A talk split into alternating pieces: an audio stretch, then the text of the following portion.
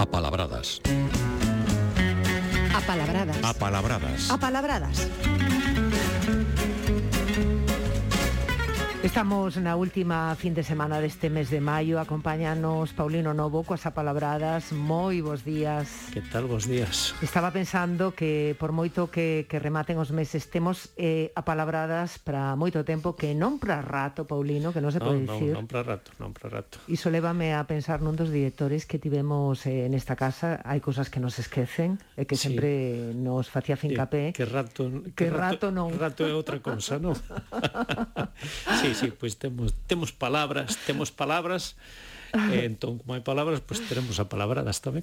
Logo desta anécdota, hoxe traes varias palabras para recipientes polos que bebemos. Son palabras que usamos, aínda que non todas as palabras do, do, do galego non, non de todo correctas, non? Empezas dicíndonos que taza non está recoñecida pola Academia.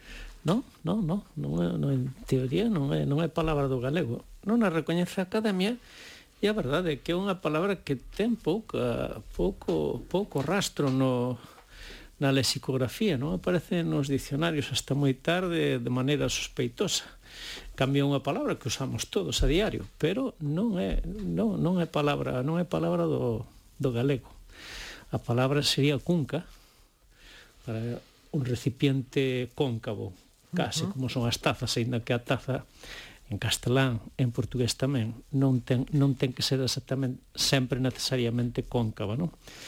Cunca, cunca que vale para recipiente cóncavo máis pequeniño ou máis grande, e incluso para a orografía, para un val entre montañas, eso tamén é unha cunca, igual que é unha vacía. A vacía propiamente é un recipiente onde se lles bota de comer os animais, pero a vacía en xeografía, tamén é un pequeniño val entre montañas, non? Como dicía, taza. En galego, pois non é palabra do galego. É unha palabra que ten orixe árabe.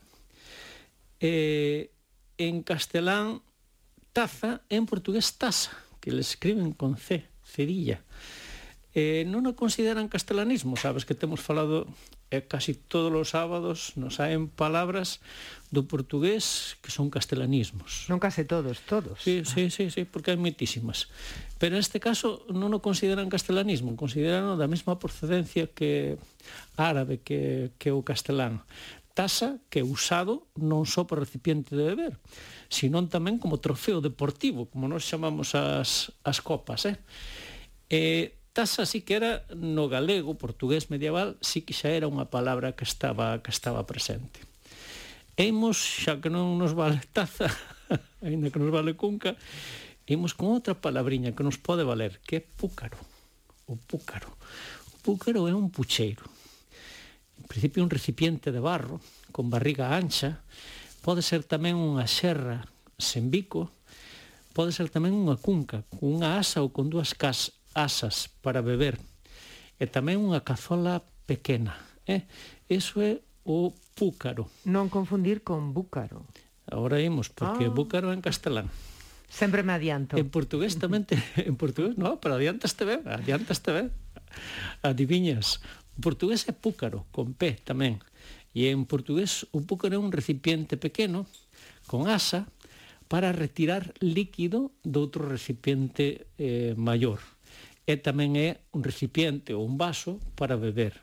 No Alentexo teñen a forma con B, búcaro, que é a que coincido co castelán, castelán búcaro, un recipiente de barro con barriga, normalmente para ter auga ou para beber.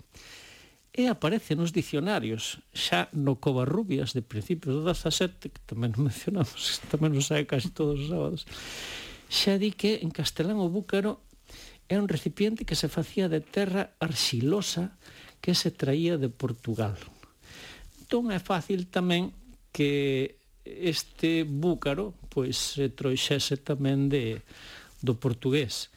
Igual que despois de eh, eh, do castelán do portugués pasaría ao castelán e do castelán sí que parece que seguro que pasa o italiano, a búquero, que tamén é un vaso de, un vaso de barro.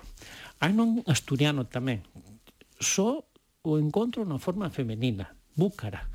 E búcara en asturiano é unha serra alta, por metonimia a cantidade que leva esa serra, e tamén o usan concretamente para un recipiente onde mazan o leite. Eh? Teñen búcara, en asturiano e teñen púcara, tamén en femenino. E púcara en asturiano é unha ola, unha, unha pota para cociñar. Seguramente este púcaro, búcaro en castelán, eh, se toma do latín poculum, que era un vaso, un vaso para beber. Posiblemente non de maneira directa, sino a través ao mellor do, do mozárabe.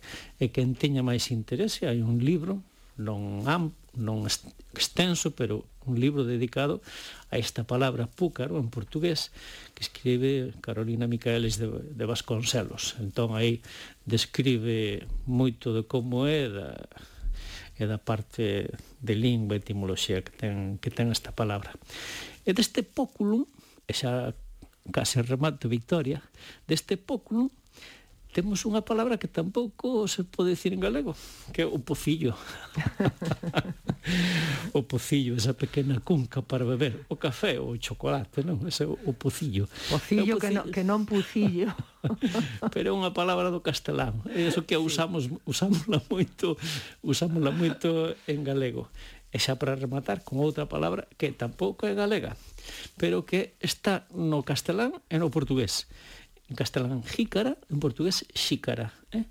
Tamén para tomar o café ou o chocolate. A jícara en castelán, e se vamos a Portugal, tomámoslo tamén nunha xícara en galego. En galego non. Eu aí nunca tomei, eh? Sí. Nun pocillo pode ser. É unha palabra de orixe de, dunha lingua precolombina da zona onde está México, Centroamérica, por aí. Neses lugares, eh, esas rúas, por exemplo, de Lugo ou de Santiago de Compostela, onde hai esa gran tradición, onde... O chocolate, onde, café sí, con e tomar leite, viños, sí, non? Sí, sí, tamén, Pero sí, penso sí. que quedan xa poucos lugares onde realmente se denomine, é dicir, vou tomar ou van tomar unha cunca de viño, sí, non? Sí, sí, sí. Moi ben, máis cousas. Eh, agora imos, Paulino, de viaxe a Bélxica para falar de dúas palabras que denominaron as persoas de, daqueles lugares, non? Unha delas, coñecémola ben, é a de flamengo, pero que tamén é unha ave. Sí, sí, son as dúas cousas. Xa veremos como ten a, mes, a mesma explicación para denominar os habitantes desa zona e as aves ten a mesma explicación. Flamengo, habitante desa zona de Países Baixos, nin holandés nin neerlandés concretamente de Bélxica, da zona de eh, Flandres. E eh, tamén denomina esa ave que diste de patas e pescozo longo e plumaxe de cor rosa, que é o importante onde vai tomar a palabra. En todo caso, este flamengo é distinto do flamenco, da arte ou cultura do sur de, do sur de España eh, por extensión tamén andaluz, a xitanado, a cultura popular xitana, que seguramente pode ter a mesma orixe, pero non directamente, é o flamenco. Pero o habitante desta zona de Bélxica e a ave son flamengos. E, e tómanse de, do latín flama, que é a, a chama, a chama do, do fogo, do lume. Eh? Por esa cor que ten a ave de cor rosa, porque recorda es a cor dunha chama, e tamén pola cor da pel dos habitantes desa zona, porque é unha pel, unha pel moi branca e colorada, tirando, tirando a rosa. E dese, desa cor asóciase por metáfora coa, coa chama e dai toman, dai toman o, o nome de flam, flamengo. Eh? Eh, antigamente tiñan fama de elegantes, de educados, así aparece tamén no dicionario de Covarrubias que mencionamos, aparece con esas características, os flamengos. Eh, e chamouselles tamén eh, en castelán e en portugués as persoas altas. As persoas altas é de, é de pel moi branca. Eh? Eso era a, a idea que tiña o que se asociaba ás persoas, ás persoas flamengas. E a outra palabra era franduleiro ou franduno. Franduleiro aparece en algúns dicionarios do galego pero é unha palabra do portugués. As dúas, franduleiro e franduno, eh? Ainda que aparece, como digo, en dicionarios do galego, é a palabra do portugués. E é derivado de Flandres. A partir dunha forma antiga que xa se documenta na lingua medieval, que é frandes, eh? Entón, de frandes, franduleiro e franduno, en portugués.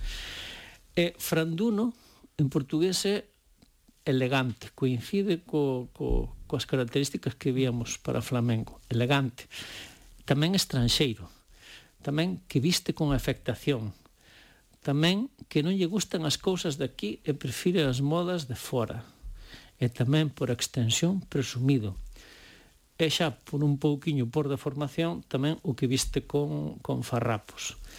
En principio foi asociado estas palabras a cousas boas pero despois foronse foron tirando tamén a peores ás veces as cousas de fora poden nos parecer bonitas pero se esas cousas boas van en detrimento e anulan as daqui, pois acaban adquirindo connotacións tamén negativas. De todas maneiras, quedámonos con, mm. con, esas, con, con esa idea de asociar o daquela zona como algo bo. E por eso hai unha frase en castelán que o demostra unha expresión. Calé? Non hai máis que Flandes, que significa non hai cousa mellor e máis fermosa. Eh? Entón, asociaos en galego e en portugués. Eh? Eh, Flamingo ten algo que ver. Hai moitos locais, por exemplo, na hostalaría sí, que reciben inglés, ese claro, nome, claro, claro, pero non, pero non é no, no xa, para, xa, nos, xa. para nos flamengo. Flamengo ou flamenco. Moi ben. Flamenco para a arte que ten que ver co propio do sur de España. E imos rematar, como sempre, Paulino, cunha palabra pouco usada. Eh, hoxe espulla. É algo na pel? É algo na pel, sí. Soaba ter algo na pel. Soa, ben. É unha verruga. Espulla é unha verruga. É un bulto pequeno, e benigno, eh, na pel. Tamén pode ser un tumor das vacas que lle no ubre ou no ventre. E tamén calquera outro tumor esponxoso. É dese tumor desa característica esponxoso do tumor é onde ven a palabra. Eh, porque ven do latín spungia, palabra que significaba esponxa e da que procede tamén a propia palabra esponxa pola consistencia esponxosa que ten este este este este pequeno tumor na, na pel, non? Eh, na lingua medieval tiñamos tamén espunlla, agora é espulla. No portugués está no norte de Portugal, só a forma espulla. E coincide cunha forma do castelán que é espundia. Espundia, que non lle chaman a verruga que temos os humanos, senón que é unha úlcera que teñen as cavalerías con excrecencia de, de carne. Pero espundia en castelán coincide con oso espulla, antigamente espunlla, no latín esponxa. Mira se hai palabras, Paulino, eh, nunca, nunca nos repetimos ou nunca te repites. Home, non, creo, creo que non. Home, a cabeza, ainda que queda no papel, a veces, algún día mellor. É iso que a cabeza... Me, fa, me pode fallar a cabeza. A eh? cabeza non para. Pero sí que será defecto meu, non? Porque non haxa palabras así pouco pouco coñecidas que é o que intentamos rescatar sempre para esta última parte da colaboración. E se non as empregamos é porque non queremos, porque a información temola. Nos traémolas aquí, Nos despois cada un que faga, que faga o que, que queira. Exactamente. Paulino Novo, un placer como sempre, grazas ata a vindeira semana que estaremos xa no mes de xuño. Sí, o prazer foi meu e volverá a ser no mes de xuño.